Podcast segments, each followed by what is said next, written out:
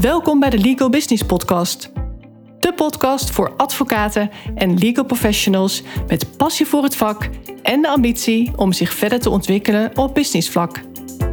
Ik ben Marloes Kuipers en in deze podcast deel ik waardevolle tips, inzichten en strategieën die jou gaan helpen om het maximale uit je carrière of kantoor te halen.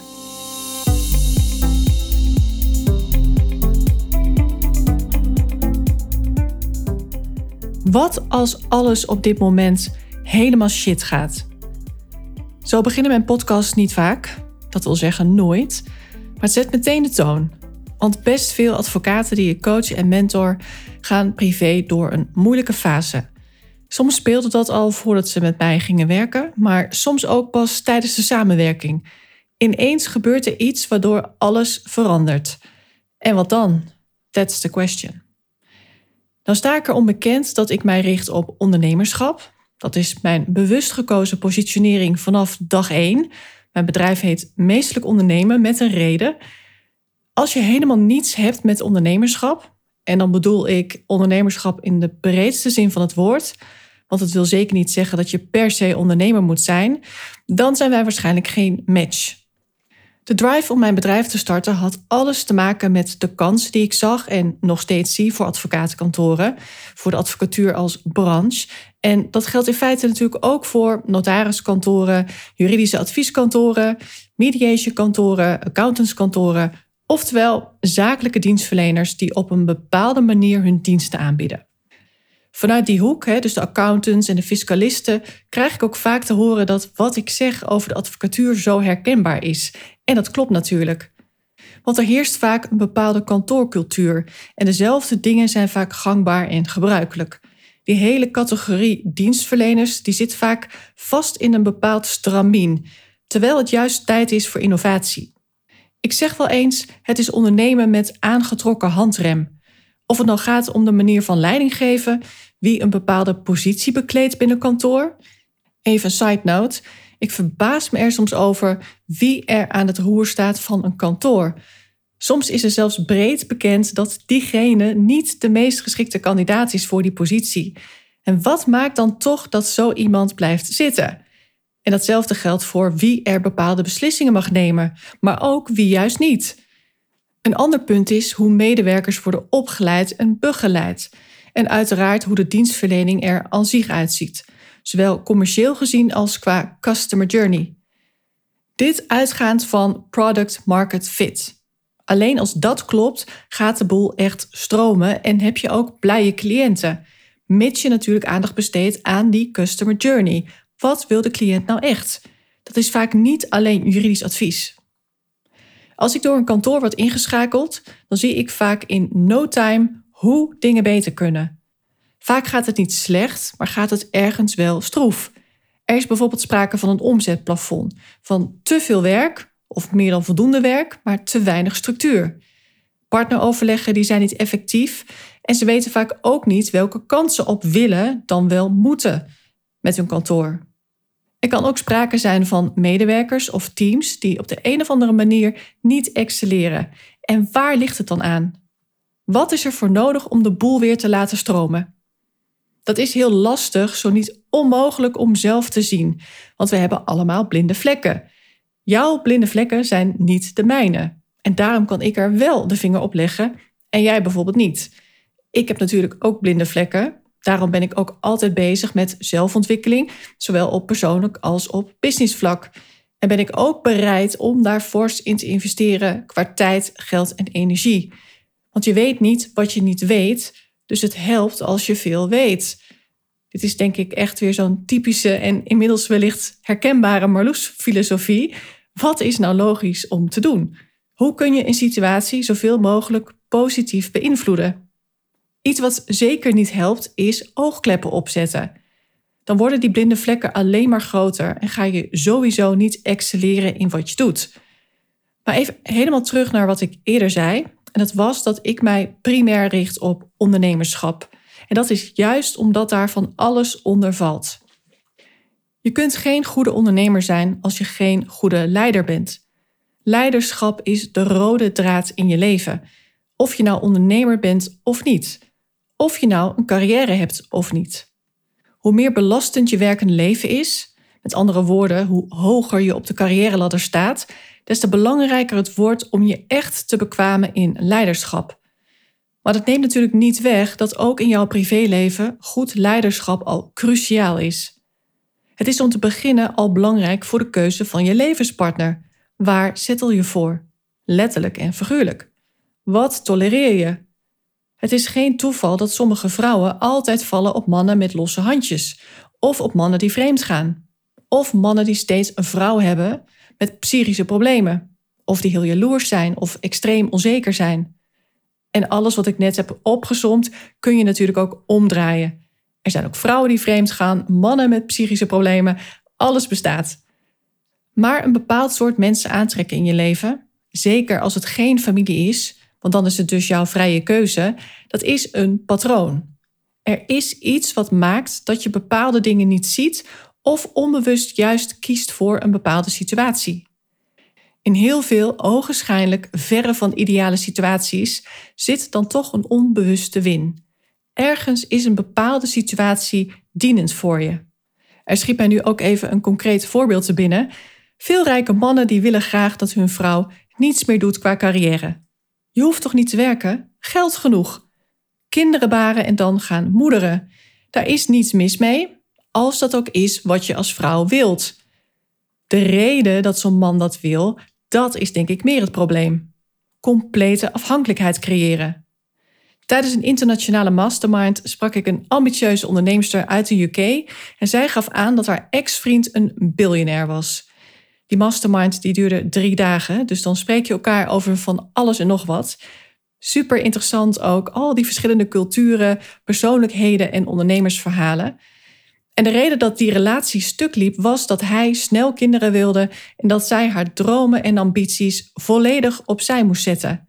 Zij moest fulltime moeder worden, terwijl ze juist wilde ondernemen. En er is een verschil tussen financieel alles kunnen doen wat je wilt met andermans geld en je eigen geld verdienen op de manier die jij wilt. Dat laatste geeft voldoening, het eerste scenario niet. Ze zei ook lachend: There are only that much Lamborghinis you can buy. It gets boring. Wat ook meespeelt is dat zij uit een gezin komt met Afrikaanse roots, als ik het goed heb. En alle vrouwen in haar familie die hebben zelf altijd hard gewerkt en veel bereikt zonder afhankelijk te zijn van een man. Dus voor haar is dat ook het hoogste goed die vrijheid en voldoening kunnen ervaren, eigen keuzes maken. Dat is leiderschap. Hoeveel vrouwen zouden niet denken, en er zijn voorbeelden te over, hmm, wel comfortabel niet hoeven werken. En in dit geval ging het natuurlijk een stap verder niet mogen werken. Maar het dienende aspect zou hier kunnen zijn, dan hoef ik ook niet uit mijn comfortzone. Als ik nergens aan begin, kan ik ook niet falen. Maar wat je doet, is dat je je onafhankelijkheid inlevert. En de andere kant bestaat natuurlijk ook. Je wilt iemand die misschien afhankelijk van jou is geworden, het comfort niet ontnemen. Bijvoorbeeld door maar bij je jeugdliefde te blijven om die ander maar geen pijn te hoeven doen. En vaak speelt ook de onzekerheid mee of jij nog wel een ander gaat vinden. Iemand vertelde mij ooit eens dat ze overwoog om de relatie met haar vriend te beëindigen. Maar ze gaf daarbij ook aan: dan moet ik weer helemaal opnieuw beginnen. En het zal je niet verbazen, niet lang daarna kondigde ze aan dat ze ging trouwen. Tot mijn verbazing, want in mijn beleving had ze tijd genoeg. In mijn beleving heb je altijd tijd genoeg. Tenminste, als het alternatief is settelen met iemand wat niet echt goed voelt. En die afweging die is natuurlijk voor iedereen anders, maar velen vinden onzekerheid oncomfortabel oncomfortabeler dan met iemand zijn en blijven die het niet echt voor je is. Weten dat dit het niet is, maar oude schoenen wegdoen voor je nieuwe hebt, dat voelt toch ook wel als een risico. Dat voelt niet heel comfortabel voor de meesten. Wat je dan doet is dat je geen leiderschap neemt. De algemene regel is: als je niets doet, blijft alles zoals het nu is, of wordt het nog slechter. Dat hangt natuurlijk weer helemaal af van de specifieke situatie, maar overal kun je die conclusie wel trekken. Dat geldt voor zowel zakelijke situaties als privé-situaties. Laat ik beginnen met een zakelijk voorbeeld. Als jouw praktijk of kantoor slecht loopt, maar je onderneemt geen actie, dan is de kans natuurlijk nihil dat je ineens het licht gaat zien. Of dat het universum out of nowhere jouw praktijk of kantoor naar grote hoogte springt. Was het maar zo'n feest. Nee, je hebt daar natuurlijk stappen voor te zetten, leiderschap te tonen. Waar ben ik goed in en waarin blijkbaar niet? Waar moet ik hulp voor inschakelen? En ja, dan moet dat ego misschien even opzij gezet worden. Advocaten denken vaak dat ze alles zelf moeten doen. Dat kan niet en is sowieso een heel slecht idee, want je bent gewoon geen expert in heel veel dingen. Elk succesvol bedrijf heeft niet voor niets allerlei expertises in huis. Denk aan een afdeling voor marketing, voor business development, finance, HR. Dat zie je bij de grotere advocatenkantoren. En dat geldt natuurlijk ook voor accountantskantoren en andere corporates. Dus hoe onlogisch is het dan dat je geen externe hulp inschakelt als je te klein bent om dat allemaal zelf in huis te halen? Of omdat je merkt dat de interne expertise onvoldoende is. Want er kan wel 10 of 20 man op business development zitten, maar ook zij hebben weer blinde vlekken, juist omdat ze intern zitten. Ze maken onderdeel uit van het bedrijf, waardoor vaak sprake is van company blindness. Naast dit zakelijke leiderschap, wat voor jou hopelijk logisch klinkt, heb je dus ook dat persoonlijke leiderschap, wat ik eerder ook al aanhaalde. Laat je alles maar gebeuren of ben je je bewust van hoe je wilt leven? En dus ook wat daar wel of niet bij past. Als jij een bepaalde toekomst voor jezelf ziet, is die dan in lijn met wat jouw partner voor zich ziet? En wat is jullie toekomst samen? En stel je bent iemand die nadenkt over het leven je hebt bepaalde ambities, dromen of verlangens, terwijl jouw levenspartner helemaal tevreden is met hoe het nu is. En daarmee bedoel ik dat diegene überhaupt nergens echt over nadenkt. Iemand die als het ware compleet reactief in het leven staat in plaats van proactief. Heb je dan niet een probleem? Heb je dan een toekomst samen? Ga jij dan wel alles uit het leven halen? Maximaal gelukkig worden? en maar bij iemand blijven om die ander geen pijn te doen, hoe eerlijk is dat? Je doet daarmee niet alleen jezelf hopeloos tekort, maar in feite ook die ander. Want die ander denkt dat jij net zo gelukkig bent, terwijl je dat dus niet bent. What is for the highest good of all? Dat vind ik ook een mooie quote. Als je twijfelt bij het nemen van een beslissing, kun je die quote mooi in je achterhoofd houden. Want zelf ben je nooit objectief. Je wilt een ander vaak geen pijn doen, omdat dat jou ook pijn doet. Dat is ook het eerlijke verhaal. Je wilt die ander geen verdriet doen. Je hebt het er zelf wellicht al heel moeilijk mee. En het verdriet van de ander raakt jou ook nog eens. Dus dat maakt het ook logisch dat mensen zo'n beslissing uitstellen. En dat er vaak een concrete aanleiding moet zijn om zo'n stap te zetten. Maar wat is nou uiteindelijk het beste voor iedereen? Dat jij gelukkig bent? Kinderen, als die er zijn, die zijn gelukkiger met gelukkige ouders die goed met elkaar omgaan, maar niet meer samen zijn, dan met ongelukkige ouders die toch nog onder één dak wonen. En over het algemeen kunnen jonge kinderen sowieso heel goed omgaan met veranderingen. Het gaat erom hoe je de veranderingen doorvoert. En last but not least, jouw partner verdient ook iemand die beter bij hem of haar past dan jij. Je wilt het gevoel hebben dat je elkaar gelukkiger maakt en niet dat de een de ander echt nodig heeft. Maar dat is mijn visie. Misschien denk jij daar wel heel anders over. Het lastige van het opnemen van een podcast vind ik de nuance die ik echt onmogelijk kan benoemen voor elk denkbaar scenario dat jij maar kunt bedenken bij een opmerking van mij. Even een voorbeeld. Nou haal ik even iets aan wat ik eerder in deze aflevering zei over een partner die gewoon tevreden is met hoe het nu is, terwijl jij misschien veel meer uit het leven wilt halen. Dan kun je natuurlijk zeggen: ja, maar tevreden zijn met hoe het nu is, dat is toch fantastisch? En ja, dat vind ik ook. Maar je kunt in mijn beleving heel dankbaar zijn en daarmee dus ook heel tevreden zijn, maar desalniettemin nog wel hongerig zijn naar meer, beter of anders. De behoefte voelen om jezelf te blijven ontwikkelen. Daar komt het in feite op neer, op welke manier dan ook. Gewoon omdat dit een leven is wat je actief kunt leven en dus grotendeels kunt sturen. Ook als er ellende gebeurt. Dan kun je de gebeurtenis niet sturen, maar wel de impact ervan. Het alternatief is dat je gewoon bestaat. En er zijn maar weinig mensen die hun dagen volledig in meditatieve staat willen en kunnen doorbrengen. Nou bestaan er ook zogeheten breatharians die leven van prana, oftewel levensenergie. Zij zijn in staat om lichaamsprocessen op celniveau te veranderen, om zo de conditionering dat je eten en drinken nodig hebt om in leven te blijven, los te kunnen laten. Ik zou zeggen, don't try this at home. Maar mijn punt is dat gewoon bestaan, maar voor heel weinig mensen voldoende vervullend is. Dus als jij niet gelukkig bent over wat dan ook, dan maakt leiderschap dat je niet wegzakt in de slachtofferrol, maar dat je de behoefte voelt om de situatie te veranderen, of in ieder geval jouw mindset met betrekking tot die situatie te veranderen. Want het belang van het hebben van de juiste mindset verklaart ook dat er mensen zijn die zich zwaar depressief voelen of aangeven het licht niet meer te zien, terwijl ze eigenlijk een prima leven hebben. Ze hebben in de beleving van anderen maar weinig te klagen of zelfs alles wat die ander zou willen hebben. En ze zeggen ook wel eens, en ja, nu komt er weer een Amerikaanse quote aan: Your worst nightmare is someone else's dream. Er zijn mensen die altijd actief op zoek gaan naar hun eventuele trauma's uit het verleden of maar blijven hangen in negativiteit. Het lijkt ook een beetje een trend te zijn en je ziet het ook op social media, zelfs op LinkedIn. Ik weet niet of het jou ook opvalt. De meeste likes en comments krijgen posts over drama, ellende of de hero story. Van het zwarte gat naar het licht. Je kent ze wel, die verhalen. Terwijl er natuurlijk ook mensen zijn met echte trauma's. Een oorlogsverleden, mishandeling, ze zijn liefdeloos of zonder ouders opgegroeid. Ze hebben altijd pijn door een ziekte of ongeval.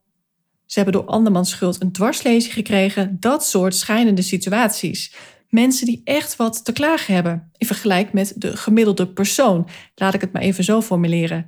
Wat moeten die mensen dan wel niet zeggen? En hoezeer moet je je dan eigenlijk niet schamen als je nu nog publiekelijk, want daar heb ik het dan over, zit te klagen over iets wat bijvoorbeeld niet perfect was in de opvoeding of onrecht wat je ooit is aangedaan en dat toch maar eindeloos blijft oprakelen. Pity points scoren noem ik dat. En dat kunnen we allemaal wel doen. Iets vinden om in te blijven hangen. Maar dient het je? Ik denk persoonlijk van niet. En als je hulp nodig hebt om iets te verwerken of om iets op te lossen, dan moet je dat natuurlijk doen. Dat is alleen maar goed. Maar het als het ware tot je identiteit maken, dat is waar ik het over heb, dat is heel wat anders. Er zijn ook mensen die nog nooit shit hebben meegemaakt. Maar die zijn toch niet gelukkiger. Dat blijkt ook uit onderzoek. Integendeel zelfs, want die zijn door het minste of geringste compleet uit het veld geslagen. Zij vinden iets wat een ander peanuts vindt net zo erg als iets wat daadwerkelijk erg is. Het schijnt dat iemand die op enig moment dolgelukkig is door bijvoorbeeld het winnen van de loterij en iemand die het op een bepaald moment helemaal niet meer ziet zitten, doordat die persoon bijvoorbeeld invalide wordt, dat ze over x aantal jaar allebei weer op hun geluksniveau zitten van voor de extreem positieve of extreem negatieve situatie. Dat is interessant, hè? Daarom is geluk ook weer heel relatief. Het is een gevoel, een beleving. En daarmee deels ook beïnvloedbaar en feitelijk een keuze. Niet iedereen kan of wil dat zo zien, maar als je het wel kunt, dan leef je een heel stuk makkelijker. Als advocaten die een traject bij mij volgen privé door een uitdagende fase gaan, dan zie ik dat ze daar heel verschillend mee omgaan. Bij sommigen zie ik dat er des te meer behoefte bestaat aan zakelijke stabiliteit, de boel op orde krijgen, juist een nieuwe uitdaging aangaan, daar energie uithalen om het gebrek aan regie wat ze privé ervaren als het ware te compenseren. Want nergens grip op hebben is nog erger. Ze zoeken dus een lichtpuntje. Nou vraag je natuurlijk af, waar gaan ze dan zo al doorheen? Ze hebben bijvoorbeeld een partner die chronisch ziek is, een partner die in een zware burn-out zit, ze liggen in een scheiding of ze hebben nog last van een scheiding. Dat gevoel van mislukking dat knaagt nog aan hen. Ze overwegen om te gaan scheiden. Ze hebben de nodige uitdagingen met de kinderen of ze wonen bijvoorbeeld op een plek waar ze liever niet willen zijn. Denk bijvoorbeeld aan extreme geluidsoverlast. En de huidige woningmarkt die maakt verhuizen lastig. Zeker als je een bepaalde standaard hebt. En dan is vaak de vraag: moet je in een situatie die privé uitdagend is, gaan investeren in zakelijke groei? Is het slim om je te committen aan bijvoorbeeld een lange samenwerking om bepaalde zakelijke doelen te bereiken? Nou spreek ik natuurlijk als wij van WC Eend adviseren WC Eend. Maar het eerlijke antwoord is dat het van de situatie afhangt. Want je hebt natuurlijk situaties die zo heftig zijn dat bijna niets meer belangrijk is. Bijvoorbeeld een geliefde die nog maar kort te leven heeft. Dat zou voor mij persoonlijk een situatie kunnen zijn om zakelijk alles voor langere tijd te parkeren. En dan doe ik met name op mijn persoonlijke plannen, dus de groei van mijn bedrijf. En niet zozeer op mijn bestaande verplichtingen richting klanten. Maar ik zou dan geen nieuwe samenwerkingen aangaan, dus wat dat betreft de boel on hold zetten. En ook dan hangt het weer af van de situatie, want hoe dichtbij staat iemand en op welke manier kun je iets voor iemand betekenen. Een persoonlijke situatie is bijvoorbeeld het overlijden van een van mijn beste vriendinnen. Vrij recent nog. Zij was de vriendin die ik het vaakst sprak en ook het meest zag. Zij was ook ondernemer en van al mijn vriendinnen was zij het meest op de hoogte van waar ik op dagelijkse basis zoal mee bezig ben. En we hebben elkaar nota bene ontmoet op een netwerkbijeenkomst. En ik was bijna niet gegaan, want ik had er helemaal geen zin in. En grappig genoeg gold voor haar hetzelfde. Dus we hadden elkaar bijna niet ontmoet daar. Zij was toen net haar bedrijf aan het opstarten. Ik was toen nog advocaat.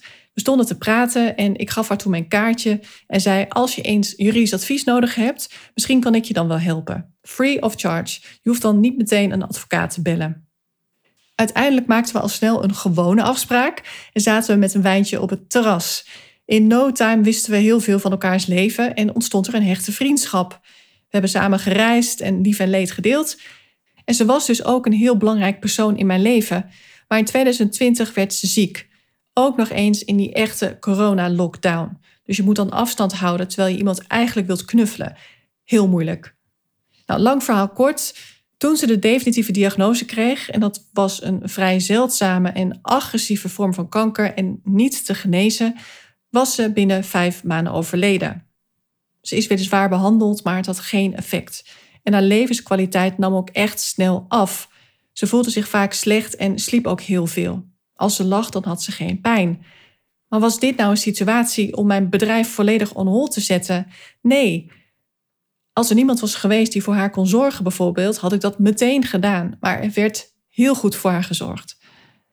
En dan wordt mijn verdriet niet minder als ik hele dagen thuis op de bank ga zitten, hersenloos tv kijken om mezelf af te leiden. Dus dan is het juist goed om wel ergens op te kunnen focussen. Mijn klanten betalen mij niet om een slechte versie van mij te zien. Iedereen krijgt 100%, zo niet 120% van mij. En daarom is het ook goed om voldoende van die momenten te hebben waar mijn volle aandacht bij die ander ligt. En om zo energie te halen uit het positieve wat je die ander dan kunt brengen. En daar word je zelf ook weer blij van. Dus dan kunnen die dingen echt naast elkaar bestaan. Momenten van verdriet en momenten van positiviteit. Er zijn vier belangrijke pijlers voor geluk in ieders leven. Het is fysiek, dat is mentaal, emotioneel en spiritueel. En die kun je ook verder uitbreiden. Gezondheid komt dan met stip op nummer 1, zou ik zeggen. Dan heb je nog relaties, carrière, vrije tijd, levensstijl en spiritualiteit. Vaak kunnen we het wel handelen als het op een paar van die componenten niet goed gaat. Bijvoorbeeld, je bent niet gelukkig in je baan of zakelijk gaat het niet zoals je wilt, maar je hebt wel een heel fijn privéleven. Een social support system, zoals ze ook wel noemen. Dan is het veel makkelijker om daarmee te dealen. Of je hebt een slechte relatie, maar je haalt wel heel veel voldoening uit je werk. Dan kun je daarmee een slechte relatie deels compenseren. Denk aan al die workaholics. Soms is zoveel werken geen must, maar een bewuste keuze. Iemand wil ontsnappen aan de realiteit. Het is vluchtgedrag. En datzelfde geldt ook voor eenzaamheid of de angst om alleen te zijn. Dat zie je als mensen hun agenda altijd maar gevuld hebben. Mensen die liever ergens naartoe gaan dan dat ze thuis zijn. Altijd maar de behoefte voelen om in gezelschap te zijn. Gezelschap van wie dan ook, zou ik bijna willen zeggen. Ik las ooit eens een interview van iemand die ook niet alleen kan zijn en die zei: Dan ga ik de straat op en klamp ik zelfs mijn grootste vijand aan. Nou, dat wil wat zeggen. Soms zijn coaching sessies ook best confronterend, want ik ga dingen niet uit de weg. Om zakelijk succesvol te zijn en bovendien gelukkig, want dat is toch wel het streven, dan moet je verder kijken dan alleen dat strategische deel. Ik kan onmogelijk negeren wat er privé speelt als ik iemand optimaal wil kunnen helpen. En soms vallen mij ook al dingen op. dan zie ik bepaalde patronen of verbazen mij dingen. En als ik dan doorvraag, dan kom ik altijd wel bij de kern van het probleem. En dus ook bij de oplossing. Bij mensen die alles maar uit de weg gaan, is het soms confronterend om tot de conclusie te komen dat ze het allemaal zelf doen. Een succesvolle advocaat en ondernemer, een man trouwens, die zei eens: Marloes, alles is momenteel een puinhoop in mijn leven. Privé, zakelijk, ik loop chronisch achter de feiten aan. En als ze dan zelf tot dat inzicht komen, ik doe het allemaal zelf. In dit geval was het bijvoorbeeld niet zozeer druk zijn, maar jezelf bewust bezighouden met alles en iedereen om maar geen rust te hoeven nemen. En om zo dus bepaalde dingen uit de weg te kunnen gaan. En het excuus ik heb geen tijd valt weg als blijkt dat je wel degelijk genoeg tijd hebt, maar dat je geen prioriteit geeft aan de juiste dingen. Een van de redenen dat ik graag langer met iemand werk, en zeker met ondernemers, is dat je dan niet de kans krijgt om de handdoek in de ring te gooien als het even oncomfortabel wordt, als het even tegenzit, of als je denkt dat je iets niet kunt combineren, dat je het er even niet bij kunt hebben. Soms moet je even ergens doorheen wat vervelend is om er daarna de vruchten van te plukken.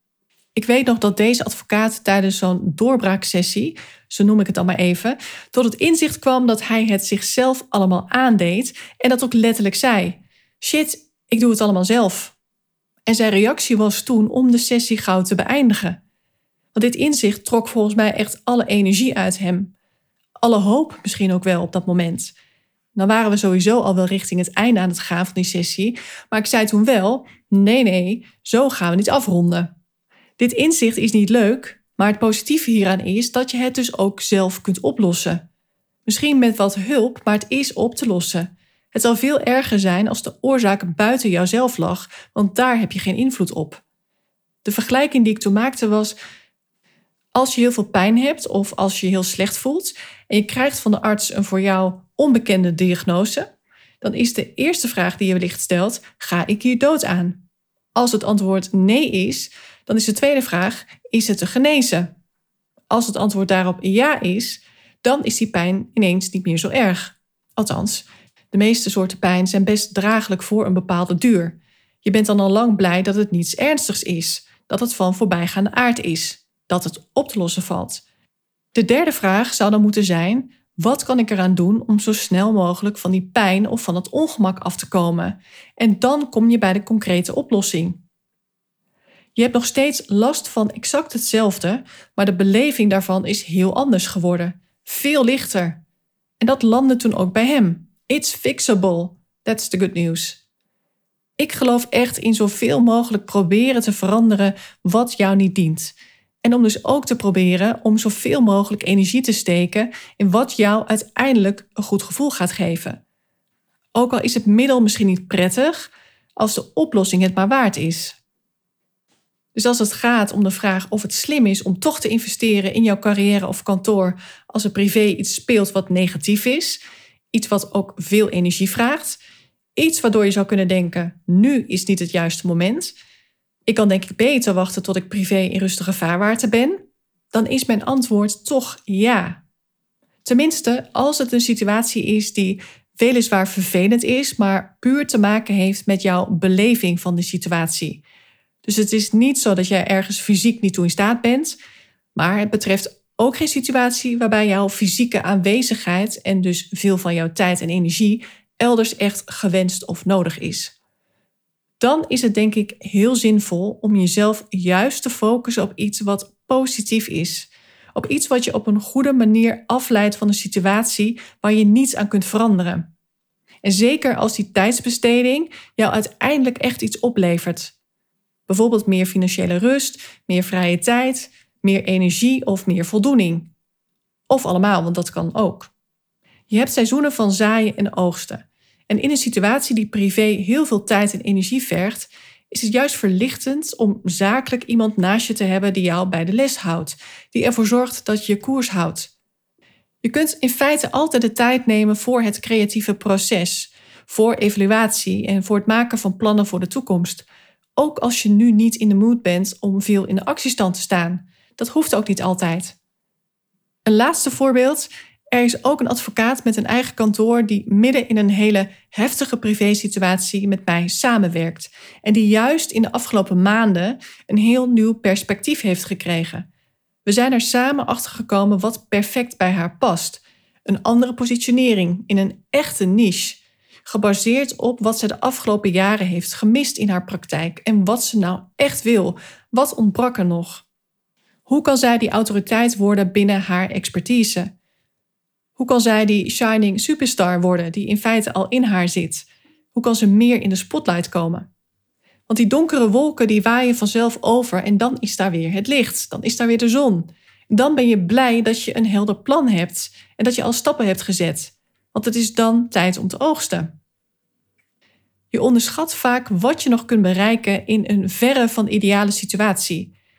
En het is vaak beleving, want zij had het gevoel dat ze te veel werd afgeleid door die privéomstandigheden. Wat ik op zich snap, maar ik zag vooral dat concrete resultaat. Of zij nou on top of haar game was of niet, desondanks hebben we in korte tijd die hele nieuwe positionering scherp gekregen met alles wat daarbij hoort. Ondanks alle verre van ideale omstandigheden is dat toch bereikt. En wat nou als ze niets had gedaan? Stel we hadden geen samenwerking gehad, had ze dan zakelijk gezien nu wat bereikt? Was ze dan een stap vooruit gekomen of juist niet? Juist niet, gaf ze aan. Want het is een vrij natuurlijke reactie om de bal te laten vallen als dingen tegenzitten. Zeker als je zakelijk al langere tijd niet meer echt wordt uitgedaagd, als je al in een bepaalde routine zit. Dan ben je dus over een tijd zakelijk slechter af, terwijl het privégedoe bovendien niet is opgelost. Want soms is het gewoon een naar proces waar je nou eenmaal doorheen moet. Het enige wat je kunt doen is dat proces zo soepel mogelijk proberen te laten verlopen. En dan heb je jezelf de vraag te stellen: wat is daar allemaal voor nodig? Waar heb jij behoefte aan? Meer leuke dingen doen, vaker nee zeggen, zorgen voor meer ontspanning en rust, jezelf echt op de eerste plaats zetten. Maar ook, wat is er voor nodig om de boel zakelijk op de rit te houden? Wat heeft aandacht nodig? Hoe kan ik deze tijd zo goed mogelijk benutten? Wat zou mij minder stress, maar meer plezier of meer voldoening geven? En wie kan mij daarbij helpen? Als je denkt dat ik dat ben, dan hoor ik dat natuurlijk graag. Ik heb namelijk het idee dat veel mensen denken dat ze de enige zijn die in een verre van ideale situatie zitten, maar dat is dus niet het geval. En je hoort mij het ook vaker zeggen: als je wacht tot het perfecte moment, dan kun je lang wachten. Vaak is actie ondernemen in welke vorm dan ook het beste wat je voor jezelf kunt doen. Welke kleine stap kan ik nu al wel nemen? Dat kan zijn om gewoon eens bij iemand te informeren. Dit is de situatie, kun je me helpen?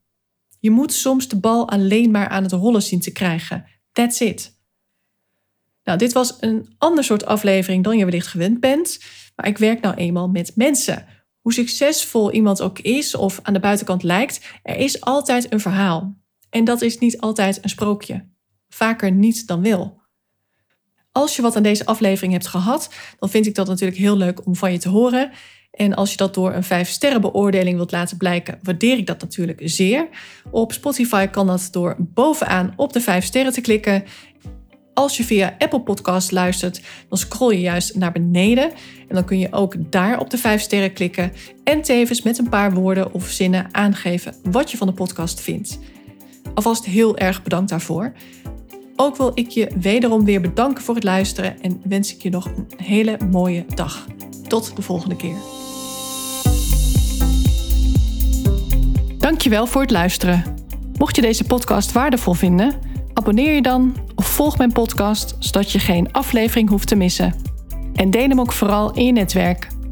Ook zou je mij een groot plezier doen met een 5-sterren review die je kunt achterlaten op iTunes. Niet alleen wordt de podcast dan beter gevonden, maar je helpt ook weer andere advocaten en juristen in hun reis naar succes en geluk. Uiteraard vind ik het leuk om te horen wat je meeneemt uit deze aflevering. Stuur me een bericht op LinkedIn of mail naar info.marloeskuipers.nl. Heb jij bepaalde ambities en wil je weten hoe ik jou zou kunnen helpen bij het verwezenlijken daarvan? Vraag dan een gratis meesterschapscall aan via mijn website Ga naar www.marloeskuipers.nl. Alle informatie vind je ook in de show notes bij deze aflevering. Ik kijk er naar uit om van je te horen. Tot de volgende keer.